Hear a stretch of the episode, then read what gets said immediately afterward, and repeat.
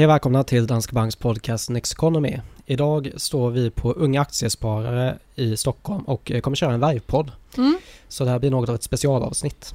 Men väldigt kul att få köra live med publik, det har vi inte testat förut. Så det är ett lite nytt, nytt koncept på tillfälligt besök i, i vår podd. Precis, och det är också så att vi faktiskt spelade in vår första podden 4 oktober 2019 så det här blir något typ av treårsjubileum också. Så det är kul. Det har gått så otroligt fort tycker jag. När du eh, textade mig och skrev att det hade gått tre år sedan vi spelade in den första så blev jag lite chockad. Det, jag vet inte om det är kanske ett gott tecken att det varit så kul att köra. Men eh, tre år är en lång tid. Väldigt kul att vi varit igång så, så pass länge. Mm. Och med det så tycker vi också att det är kul att vara här så vi kör igång med livepodden. Mm. Vi ska alltså köra poddens första livepodd och det gör vi för unga aktiesparare och eh, på temat egentligen det som vi brukar prata om i podden. Så en del i det blir ju mera investeringsfilosofi och hur man ska tänka kring att bygga en portfölj mm. och den andra delen blir ju mera marknadssyn. Ja, precis och lite det aktuella som händer på aktie och räntemarknad och hur vi ser på det framåt.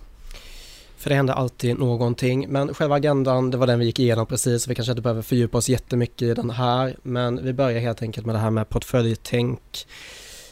Det här är ju då någonting som vi tycker är viktigt och någonting som man kanske inte alltid tänker på. Det. Ofta när man börjar med aktier och ja, ganska ofta om man har hållit på med aktier länge också så har man två frågor och det är vad ska jag köpa och när ska jag köpa det. Ofta så fokuserar man på att köpa rätt aktie som ska gå upp i pris, gärna så snabbt som möjligt och gärna aldrig gå ner. Det är väl det som är fokus för många. Mm. Men vi har ju lite en approach att vi tycker att man ska börja tänka kring eh, det här med risk. Alltså hur mycket risk kan jag hantera? Kan jag hantera att börsen går ner 30% i början av 2020? Är det så att jag kan stå ut med en sån nedgång? Eh, för det är viktigt att man har rätt risk i portföljen. Ja, absolut. Det är eh, superviktigt och det får man kanske inte om man själv försöker plocka ihop en handfull bolag utan vi tycker snarare att det är någonting som man eh, tar i sista hand som man kan absolut lägga på toppen men att just bygga den här väldiversifierade grunden i portföljen är det man ska börja med och som mm. minskar risken för stress och för misstag när det är stökigt på marknaden som det ju inte minst varit i år. Ja, precis. Så vi börjar fundera då på ja, hur mycket aktier ska man ha i portföljen och hur mycket räntebärande ska man ha. Det kan vara grunden då, alltså utifrån en risk man är villig att ta. Det behöver inte vara så att man, man ska sitta med 100% aktier, det är upp till en själv, alltså vad man kan hantera. Och sen då inom de här benen, alltså om man kollar på aktiedelen så vill man gärna diversifiera den och sprida riskerna globalt för olika marknader går bra vid olika perioder och genom att ha då en del i varje marknad så får man en, en bättre resa över tid. Så det är ju en sak och sen då om man kollar på obligationsdelen så vill vi också ha olika typer av obligationer. Vi har ju stats och bostadsobligationer i Sverige då eh, som ett fokus och sen har vi lite mer riskfyllda. Då har vi företagsobligationer av olika slag och även tillväxtmarknadsobligationer. Mm, så även där får man ju faktiskt en, en global diversifiering så det handlar inte bara om en, en räntefond utan det finns mycket mer att titta på och eh, allt det här allokerar vi ju inom i de strategier som vi har. Mm. Och sen så, alltså det, poängen med det här är ju att någonstans, alltså det sista steget här blir ju själva värdepappret, alltså vad man ska köpa. Men för många så är det det första steget. Mm. Så att bara ha det här perspektivet och börja från det hållet kan ändå vara, vara bra att ha med sig. Och det tror jag att de flesta faktiskt inte har. Tittar man på hur det såg ut, eh, just som vi pratade om under pandemin när det var jättemånga som efter det initiala börsraset bara hörde om hur det gick upp, upp, upp. Räntorna skulle vara evigt låga. Så fort det gick ner 2-3% så vände det upp igen. Under hela 2021 så gick inte ett globalt index ner mer än 5% en enda gång. Vilket är extremt ovanligt och många invaggades nog i att börsen var en ganska bra plats att vara på och att eh, det var hyfsat lätt att hitta någonting som skulle gå upp i värde därför att det mesta gjorde det. Men så brukar det alltså inte se ut. Jag tror att många kanske vaknat upp till en eh, för dåligt diversifierad portfölj när vi kom in i 2022 och man såg vad som händer om man till exempel fokuserat på teknikbolag eller någonting annat som gick som tåget under en period i alla fall. Ja, eller fastighetsbolag, eh, småbolag. Ja. Fastighet är en stor del av småbolag också. Så eh, ja, men absolut att ha den här typen av, av risktänk och då pratar vi inte bara om att man har flera aktier i portföljen utan också att man då sprider det mellan sektorer och så. Mm. Och även regioner, alltså det här med global riskspridning är något som vi brukar prata om. Eh, alltså det här är ett ganska bra exempel på hur svårt det kan vara att gissa vilken region som blir vinnare kommande år.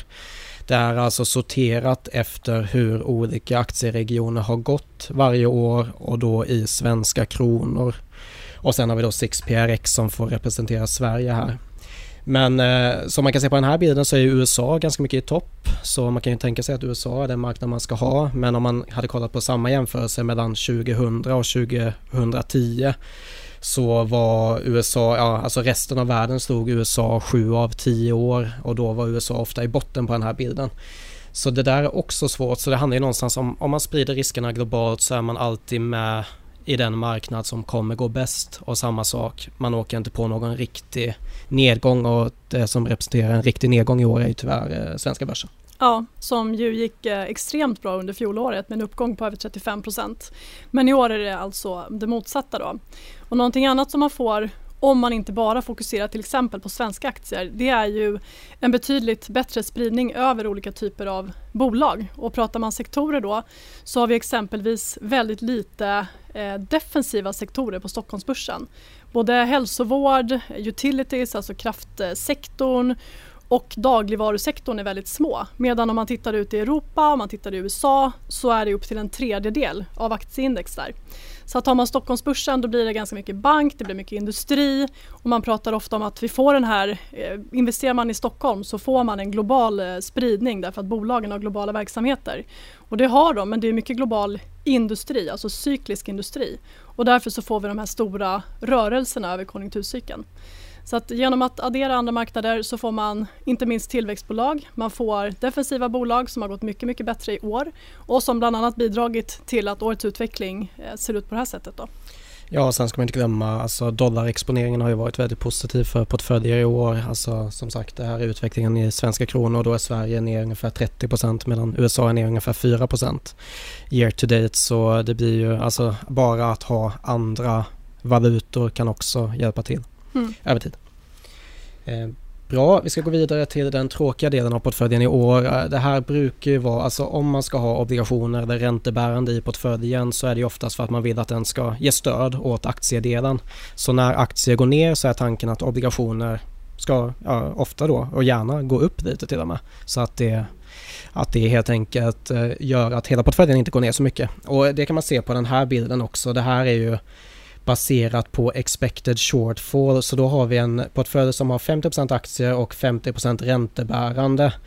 Och det visar då alltså expected shortfall är alltså hur de här tillgångarna har presterat i sina sämsta perioder kan man säga, i stressade perioder. Och den här portföljen då, då kan man se att aktiedelen bidrar till den största risken. Det bidrar alltså till den största nedgången i den här situationen. Krediter som är då företagsobligationer eh, bidrar ju till en lite mindre nedgången i alla fall än aktier. Men sen så kan man också se här att obligationer bidrar alltså negativt till risken i portföljen, vilket då är positivt. Och då har man just det här fenomenet att i en nedgång så ger de stöd åt hela portföljen, vilket också gör det enklare att hålla fast vid portföljen. Mm. För det är oftast i de här nedgångarna som vi ser att flest investerare gör stora misstag. Mm. Och normalt sett när vi går in i en kris som tynger börsen så brukar ju det vara till följd av att man ser svagare konjunkturutsikter. Och så faller räntorna vilket är samma sak som stigande obligationskurser och så får vi den här dämpande effekten. Och vi ska titta på det sen faktiskt hur den har slagit i år men det här är ju ett ganska unikt år där den här portföljeffekten helt har uteblivit. Det betyder ju dock inte att den inte kommer funka framöver men 2022 får man nog, nu är inte året slut än, men man kommer nog få lägga det till handlingarna som ett av de år då diversifiering inte lönade sig mm. särskilt väl alls.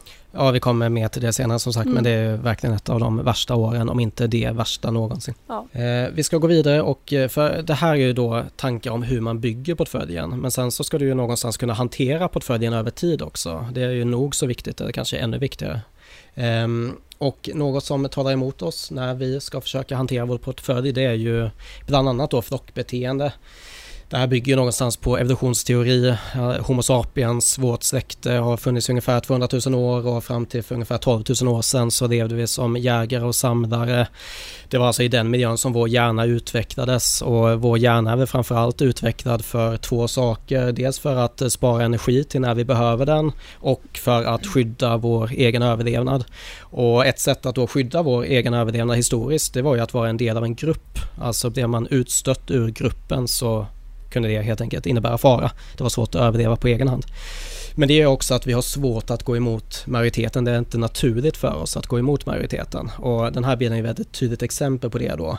Det här visar alltså utvecklingen för ett eh, globalt index eh, senaste 12 månaderna hela tiden. Och sen då in och utflöden i eh, globalfonder. Så de ljusblå staplarna är när man har köpt och när man har sålt. Och det blir väldigt tydligt att vi följer flocken här så vi köper när alla köper och säljer när alla säljer. Och det här kommer ju tyvärr skada vår avkastning över tid. Mm.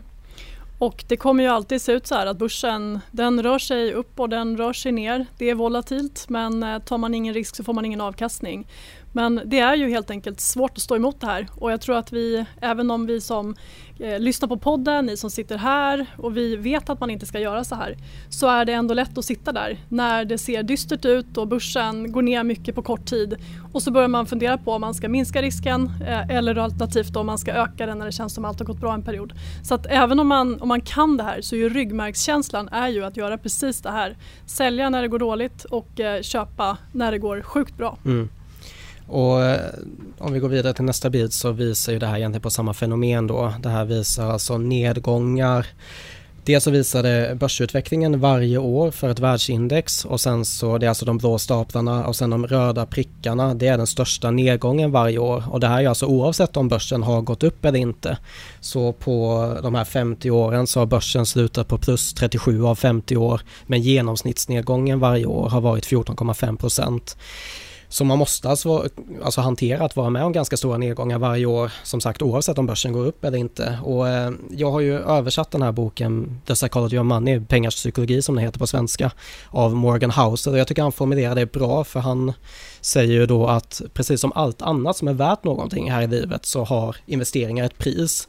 Men när det gäller investeringar så betalar man inte i kronor och ören utan man betalar snarare i ångest och tvivel över sin strategi. Och jag tror många känner igen det, att nere på botten där, det är då man börjar liksom Liksom känna den här ångesten när man börjar tvivla över vad det är man håller på med. Så jag tror att det, det är viktigt att komma ihåg att det här är priset man betalar för att få en bra avkastning över tid och för att dra nytta av den avkastningspotential som vi har på aktiemarknaden. Jag ser att eh, tiden börjar rinna iväg. Vi går vidare till nästa bild och mm. pratar lite om risker, för det finns det alltid. Det finns alltid risker och jag tror att man kan gå tillbaka till i stort sett vilket nummer som helst av Dagens Industri och hitta en hel eh, hög av risker som man målar upp som hot mot börsen potentiellt.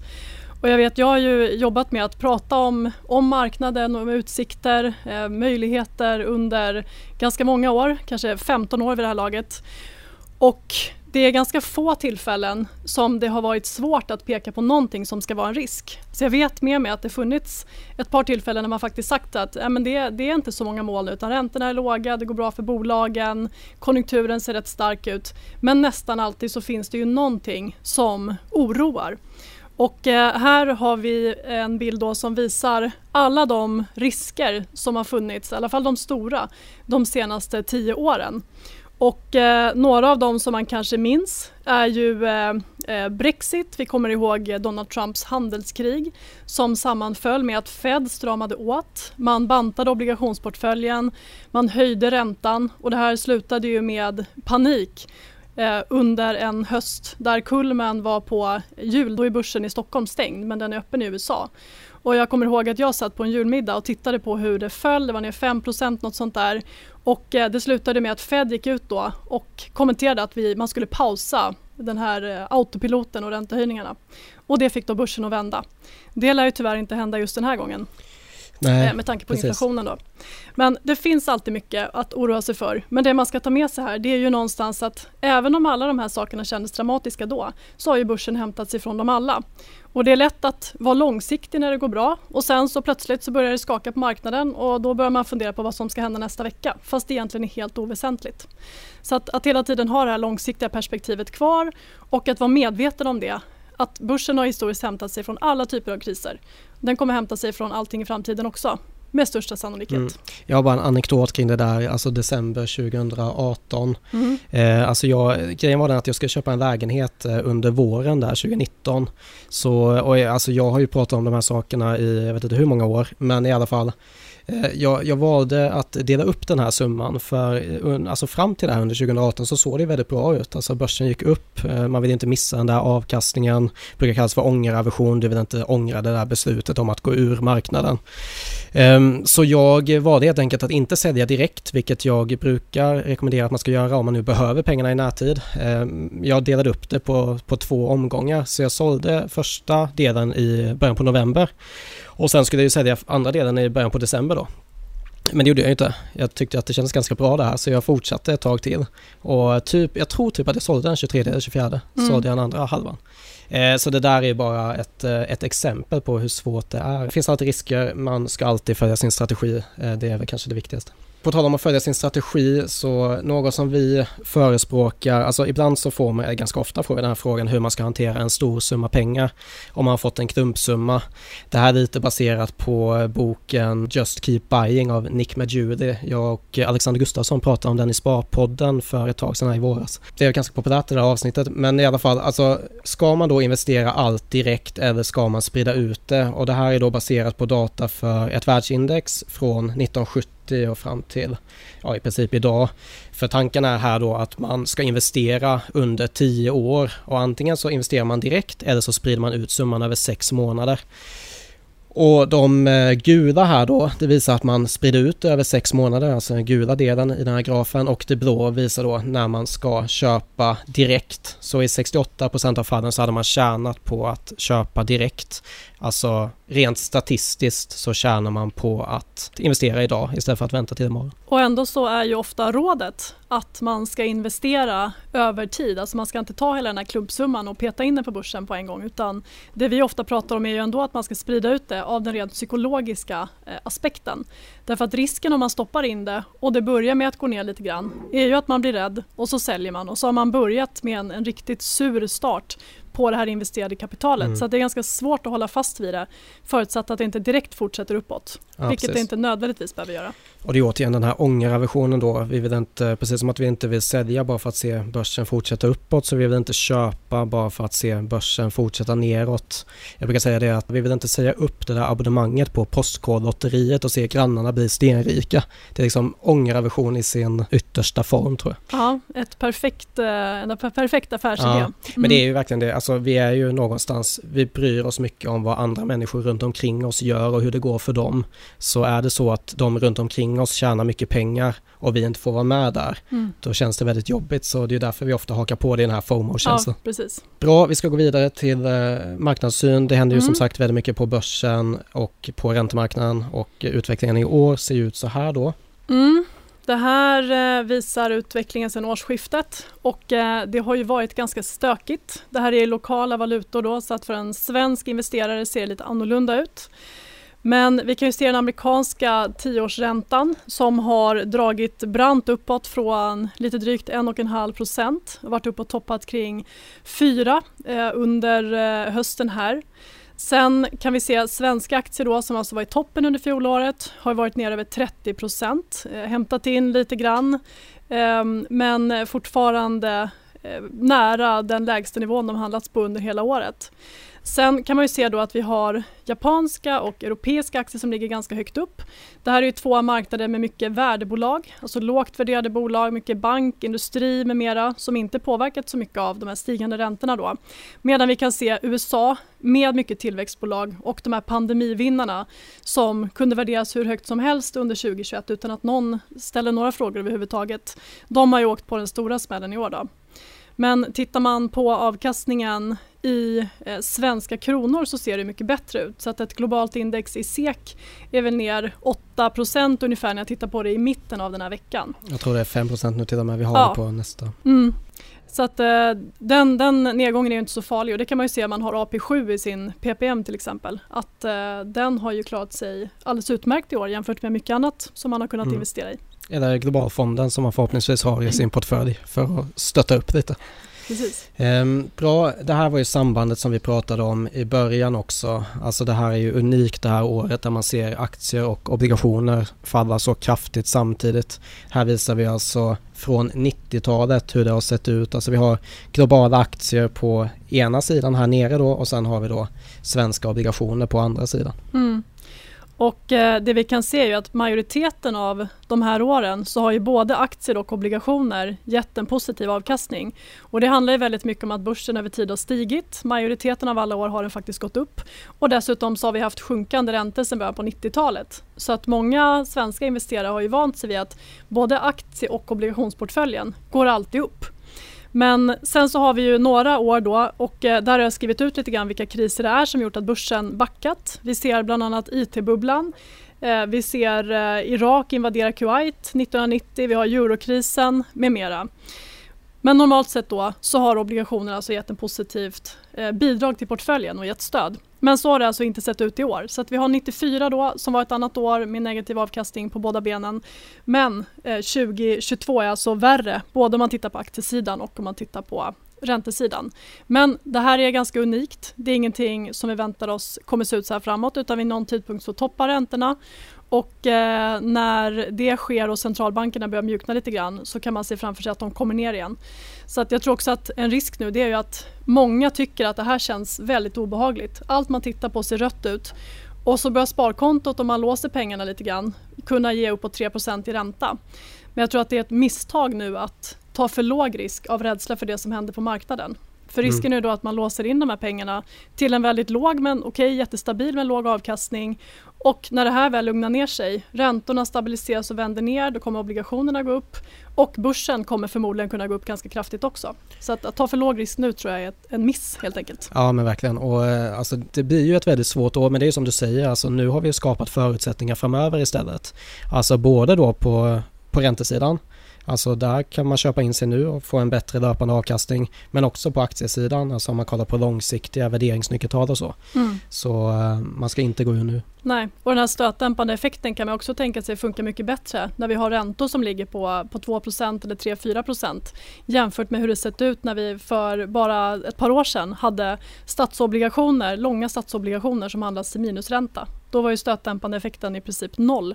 Men nu har vi faktiskt fått tillbaka den. Så att det finns ju någonting positivt med det som har hänt i år också. Mm.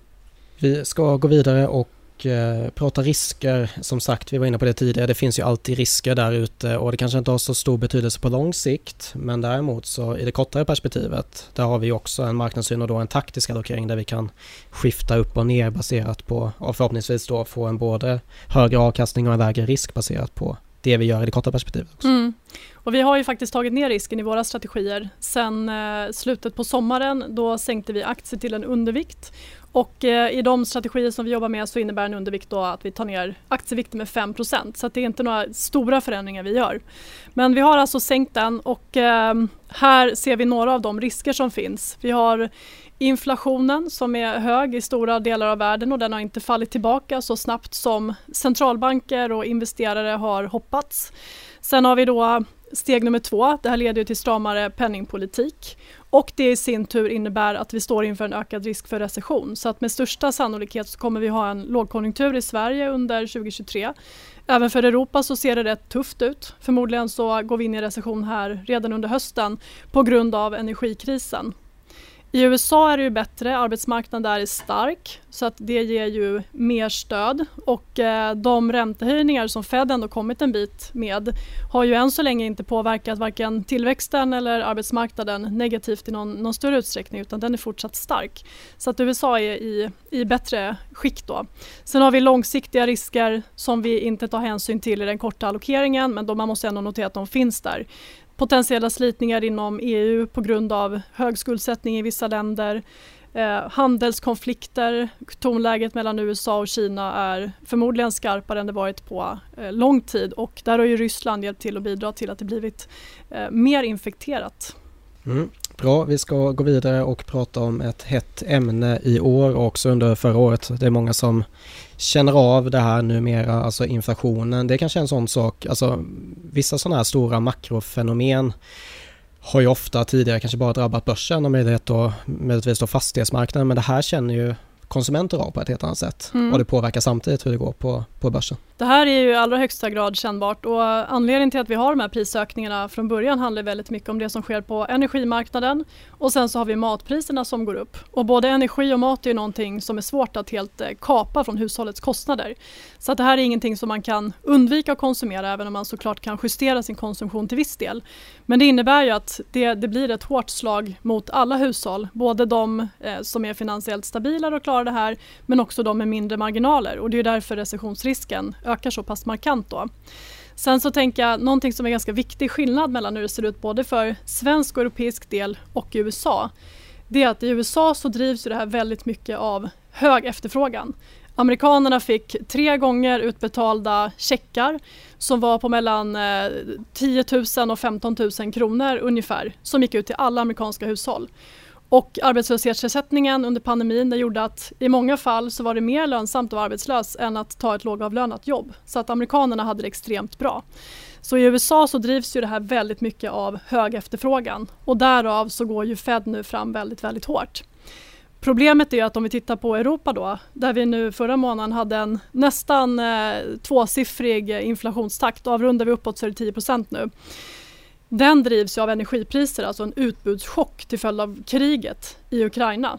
Så att hushållens eh, sentiment är på rekordlåga nivåer. Vi eh, kommer förmodligen se hur många måste hålla mycket hårdare i plånboken under vintern. Och samtidigt då så måste ECB ändå agera med räntehöjningar för att stävja det som händer. Så att här har vi ju en, en helt annan situation och en mycket hårdare smäll mot både hushåll och företag. Mm. Och vi har pratat en del om det där. Det handlar ju någonstans om att eh, bibehålla det här förtroende för Alltså för penningpolitiken också. Ja. Så även om det kanske inte påverkar sådär jättemycket, alltså de kan ju inte påverka energipriser eller matpriser genom att höja räntan då, Riksbanken till exempel. Men deras mål är ju att inflationen ska vara 2% De ska ju bevara prisstabiliteten. Så om de inte lyckas göra det, om de inte gör någonting åt det, så blir det väldigt svårt att ha ett förtroende och det kan ju få konsekvenser sen också då. Ja, inflationen tenderar att bli vad folk tror att den ska bli. Så att eh, börjar inflationsförväntningarna på lång sikt dra iväg uppåt till 3, 4, 5 procent, då har vi problem. För det betyder att företagen börjar vänta sig att de ska kunna höja priserna. Vi börjar vänta oss att vi ska få lönehöjningar eh, som är mycket större än vad vi brukar få och det talar för att inflationen kan bli mer bestående. Så att det, det är mycket just nu handlar ju om att eh, värna det penningpolitiska målet och till viss del då dämpa efterfrågan. Mm. Och eh, ja, det gör man ju då genom att höja räntor. Det ser vi väldigt tydligt på den här bilden. Det har gått väldigt snabbt uppåt och eh, det väntas fortsätta framöver. Det väntas fortsätta och eh, Fed då väntas höja räntan, det här är våra prognoser ska jag säga, till 4,75 procent strax efter årsskiftet eller kring årsskiftet. ECB och Riksbanken då väntas ha styrräntor som toppar på 2,5 procent. Och det här eh, får ju många konsekvenser. Eh, dels för företag givetvis där de ska finansiera sig. Vi har inte minst sett hur det slagit mot fastighetssektorn på Stockholmsbörsen när räntorna rusar på det här sättet. Men dessutom så påverkar det våra bolån inte minst. 50% av alla svenska hushåll har rörlig boränta. Och eh, kollar vi nu hur det sett ut de sista åren så har bo, bolånet i genomsnitt kostat drygt 2% av en, eh, hushåll, ett hushålls inkomst. Så 2% trots att vi har lånat så otroligt mycket pengar på grund av höga bostadspriser. Men vår prognos nu då det är att boendekostnaden kopplad till bolånet den kommer stiga till över 6% i genomsnitt. Så att det här är ju en, en stor skillnad och sen så lägg på det då eh, energikostnaderna, många bor i hus. Det här kommer öka väldigt, väldigt dramatiskt som andel av de pengar man har att spendera och det gör att man drar ner mycket på eh, sällanköpsvaror inte minst. Vi har sett hur många eh, detaljhandelsbolag gått riktig kräftgång på börsen i år. Eh, de här onlineplattformarna, H&M med mera är ju branta fall i som speglar just detta. Vi har konsumerat det under pandemin, nu kommer vi dra ner på det därför att det är helt andra tider än vad det var för ett år sedan. Mm. Eh, vi ska snabba på lite med de sista bilderna men eh, en sak som kan vara intressant att kolla på är ju värderingarna. De har kommit ner ganska rejält och under året med tanke på att börser har fallit. Och det vi brukar ändå prata om det att i det korta perspektivet så kanske inte värderingar säger sådär jättemycket om vart saker är på väg. Men däremot så har det effekt på hur snabbt någonting kan gå. Alltså när vi hade väldigt höga värderingar i början av det här året. Den här typen av makrohändelser då, alltså när vi får negativ tillväxt och ja, vinstutveckling i bolagen börjar bli sämre och sådär. Det kommer ju få en större effekt på aktiekurserna om värderingarna redan är höga. Mm, fallhöjden blir ju betydligt högre. Och eh, tittar vi då på värderingsnedgången som har skett under det här året så är vår bedömning att ganska mycket av börsraset som har varit det har ju berott på en korrigering just i värderingar. Så det har inte drivits i någon större utsträckning av att vi sett någon effekt på vinsterna för det har vi inte riktigt sett än så länge. Utan det har varit mycket värderingsdrivet men tittar vi framåt nu då så tror ju vi och det är också en anledning till den här undervikten i aktier som vi behåller att det kommer ju börja synas i vinsterna mer framåt. Både i analytikernas estimat som tenderar att släpa och det här bygger ju på framåtblickande vinstprognoser från analytikerkåren. Då. Men det där tenderar att släpa lite, speciellt när konjunkturen viker eller vänder upp kraftigt. Så den här laggen gör ju att det kan se billigt ut en period men börjar man sänka estimaten på bred front när man börjar räkna med att det här ska synas i bolagens resultat då är det inte säkert att det ser så billigt ut längre. Så att nästa smäll tror vi kommer via vinstutvecklingen och eh, det ska bli väldigt intressant nu att se rapportsäsongen som snart sätter igång för Q3, vad bolagen säger om, om efterfrågan med mera. I Q2 syntes det inte särskilt mycket och de flesta var rätt optimistiska. Svenska industrin pratar mycket om välfyllda orderböcker och sånt där. Men eh, det kan ju förändras ganska fort med lageruppbyggnad och eh, order kan dras tillbaka. Så att det här tror jag kommer bli eh, lite annorlunda tongångar än vad vi såg i somras och det kommer nog förändras ännu mer i Q4 och i början på nästa år. Mm. Och sen återigen då, är man långsiktig, snackar vi 10 plus år, då spelar det så stor roll om man är där nere eller där uppe. Alltså pengarna ska ju in. Det är egentligen det viktigaste. Alltså det är viktigare att man får så lång tid som möjligt på börsen. Ja. Istället för att försöka tajma det här då. Så bara som en påminnelse om det. Ja. Vi ska ta sista bilden. Vi brukar prata en del om PMI, alltså inköpschefsindex som en ganska bra indikator på vart vi är på väg, en väldigt bra indikator på vart vi är på väg tillväxtmässigt då. Ja, och eh, börsen brukar ju ge som allra bäst avkastning i samband med att konjunkturnedgången eh, bottnar, alltså när det ser som allra mörkast ut och konjunkturen är som allra svagast, alla har gett upp, börjar lämna aktiemarknaden, ingen är intresserad längre så börjar man se de här små, små gröna skotten i ekonomin som man brukar prata om. Eh, det börjar finnas tecken på att det kanske inte blir värre. Aktiemarknaden blickar ju framåt så att då brukar den börja handla på att bättre tider är på väg. Så den här bilden då, som man inte ser om man lyssnar på podden, men som ni ser här, den visar börsutvecklingen fram tills PMI för global industri bottnar. Och då kan vi se att kursutvecklingen innan är ganska volatil, aktiemarknaden tenderar att gå ner då när vi är på väg in i en dystrare del av konjunkturcykeln. Men i samband då med att PMI når botten, fortfarande tillväxten i ekonomin är negativ, vi är fortfarande i lågkonjunktur, men vi har bottnat, då brukar börsen börja rusa. Så att den allra bästa avkastningen brukar man faktiskt få därifrån och framåt. Så att det är verkligen så att det gäller att hänga i, man ska inte sälja när det ser som mörkast ut, för då tenderar man att missa de allra bästa perioderna. Och det är svårt att ta igen det sen. Och med det avslutar vi helt enkelt eh, Next Economys första livepodd. Vi tackar för att ni har lyssnat här idag. Ja, tack för att vi fick komma hit.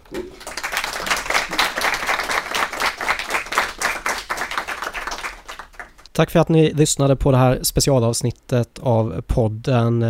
Besök gärna nexteconomy.se som vanligt. Det är vår nyhetssajt och där hittar ni alla andra poddar, bloggar, krönikor och eh, filmer. Så nexteconomy.se. Och eh, följ oss gärna på Twitter, gå in på frågeformuläret i avsnittsbeskrivningen och eh, skriv en fråga om ni har det så tar vi upp det i podden framöver. Ja, så tack för idag. Vi hörs om två veckor.